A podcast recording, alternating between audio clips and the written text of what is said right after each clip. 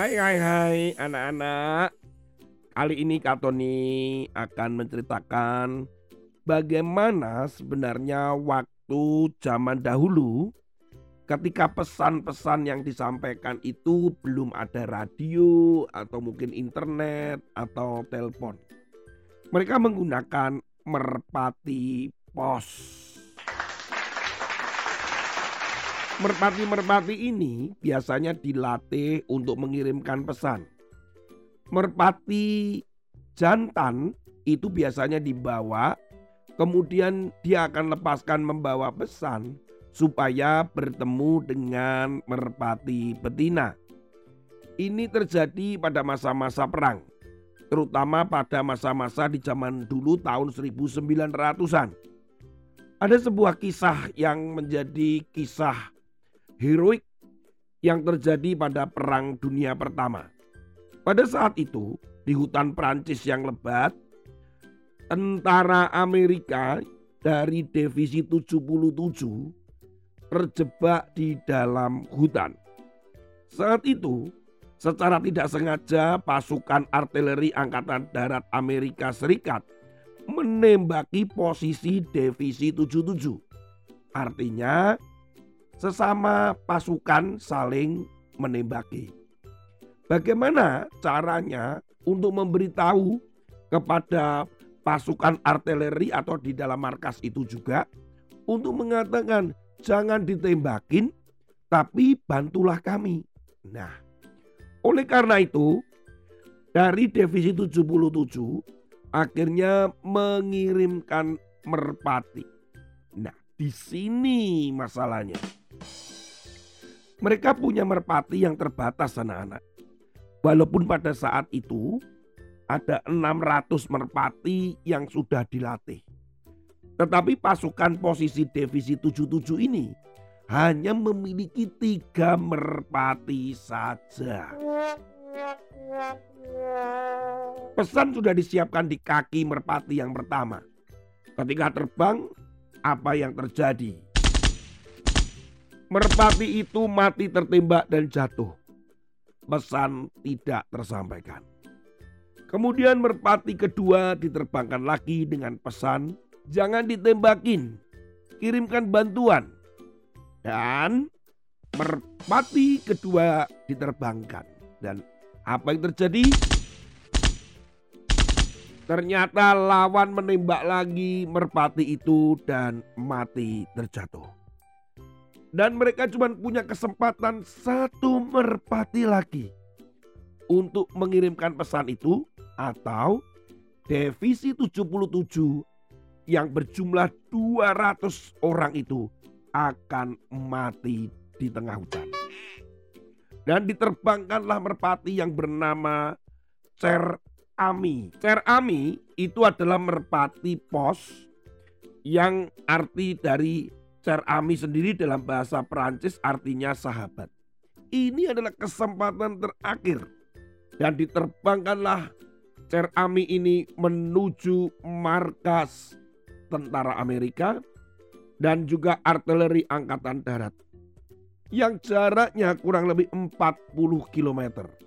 Dan Cher Ami terbang dan tetap saja oleh lawan ditembakin. Ditembakin terus dan memang anak-anak, akhirnya Cer Ami ini terkena tembakan dan luka-luka. Satu peluru menembus dadanya. Dan satu peluru lagi menembak kaki yang membawa pesan penting itu. Tetapi luar biasanya Cer Ami tetap terbang sampai ke tujuan walaupun ada luka di dada dan di kakinya. Pesan dapat tersampaikan dan gara-gara Cer Ami ini nyawa 200 orang itu diselamatkan.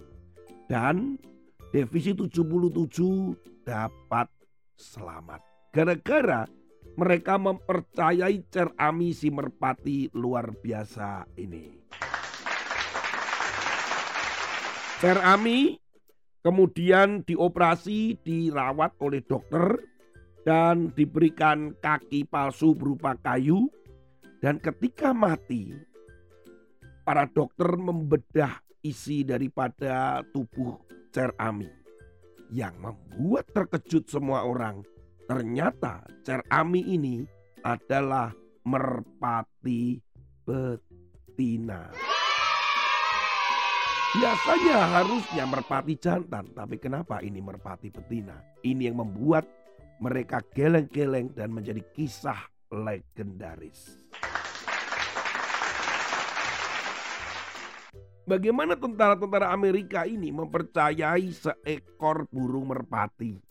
Mereka percaya bahwa ini kesempatan terakhir dan ternyata walaupun nggak bisa ngomong antara manusia dan hewan, Cer Ami si merpati itu menangkap bahwa dia sedang dipercaya untuk mengirimkan pesan penting itu. Firman Tuhan hari ini diambil di dalam Amsal pasal yang ke-25 ayat yang ke-19. Kepercayaan kepada pengkhianat di masa kesesakan adalah seperti gigi yang rapuh dan kaki yang goyah. Arti ayat ini adalah berikanlah kepercayaan bukan pada pengkhianat atau orang yang tidak setia, tapi memberikan kepercayaan kepada orang yang benar-benar bisa dipercaya. Sama dengan tentara Amerika ini yang memberikan kepercayaan kepada merpati Cer Ami. Anak-anak, kita belajar untuk ketika orang tuamu, gurumu, temanmu mempercayakan kepadamu sebuah tanggung jawab. Mungkin bisa jadi ketua kelas, bisa jadi ketua kelompok, bisa juga untuk mengerjakan sesuatu, menjaga rumah, membersihkan. Nah, pokoknya ketika diberikan kepercayaan, belajarlah untuk menjadi anak yang bisa dipercaya. Atau dipercaya, kalian adalah anak-anak yang bisa dipercaya. Tuhan Yesus juga mempercayakan kepada kalian isi dunia ini untuk dikelola, dikerjakan, menghasilkan buah. Dan Tuhan Yesus percaya kalian juga bisa dipakai untuk menjadi alatnya melayani Tuhan dan menjangkau jiwa-jiwa yaitu teman-temanmu untuk membawa mereka datang kepada Yesus. Tuhan Yesus memberkati. Sampai ketemu lagi dengan Kak Tony di episode yang lain. Amin.